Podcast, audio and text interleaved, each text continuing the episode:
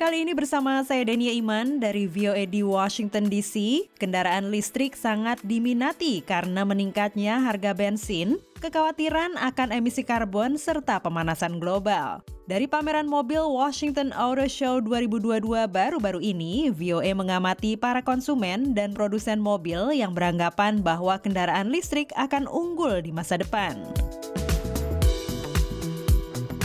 mobil-mobil mewah dan eksotik memamerkan fitur-fitur futuritisnya. Tetapi atraksi utama yang ditampilkan di pameran Washington Auto Show 2022 baru-baru ini adalah pavilion EV di mana kendaraan-kendaraan bertenaga baterai berhasil mencuri perhatian pengunjung.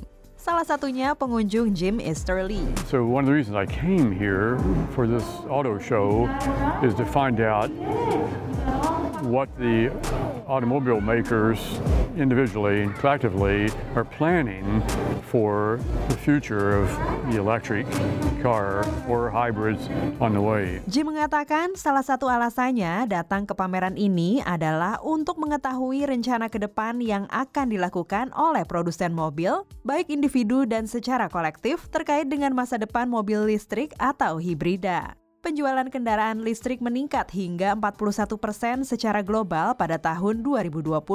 Perusahaan mobil besar seperti Toyota dan Ford kini tengah memproduksi lebih banyak model mobil listrik yang tidak hanya hemat bahan bakar, tetapi juga ramah lingkungan. Maggie Clark adalah ahli produk mobil Toyota. Certainly is a higher demand in recent years for these types of alternative fuel vehicles than there have been in the past. It seems as if consumers are really wanting to lower their carbon footprint. Maggie mengatakan terdapat permintaan yang lebih tinggi akan beragam jenis kendaraan dengan bahan bakar alternatif dibandingkan sebelumnya.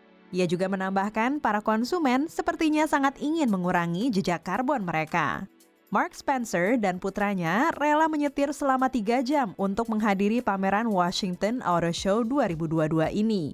Ia ingin mengganti mobilnya dan tertarik untuk melihat kendaraan-kendaraan listrik. Ia mencari kendaraan dengan jarak tempuh dan harga yang lebih bagus. Namun, ia juga memiliki pertimbangan lain. Menurutnya, produsen mobil perlu menurunkan harga kendaraan agar setiap orang mampu membelinya. Dengan begitu perlu ada infrastruktur yang mendukung para produsen mobil. They need to get the price down so everyone can afford it, and they said they really need the infrastructure to support them.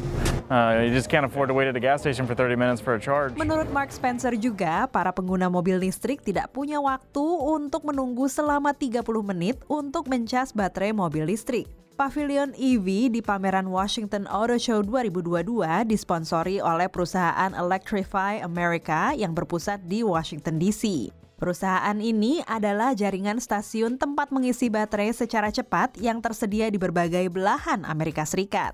Dengan tema masa depan adalah listrik, Electrify America bertujuan untuk mempermudah konsumen dalam hal penggunaan kendaraan listrik. Presiden dari Washington Auto Show, John O'Donnell, mengatakan, Tesla has been selling electric vehicles for a long time. The problem with that is uh, they're largely for wealthy people. So if you can take Tesla out of the equation and put in somebody like a Nissan or a General Motors or a Toyota or a Hyundai that does have mass market capability, you can have the nation adopt it quicker at a more affordable rate. Katanya perusahaan mobil Tesla sudah menjual kendaraan listrik sejak lama Masalahnya, mobil-mobil itu sebagian besar ditujukan untuk orang-orang kaya. Kalau kita tidak mengikut sertakan Tesla dan mengedepankan perusahaan seperti Nissan, General Motors, Toyota, atau Hyundai yang memiliki pasar yang besar, Amerika dapat dengan cepat mengadopsi kendaraan listrik dengan harga yang lebih terjangkau.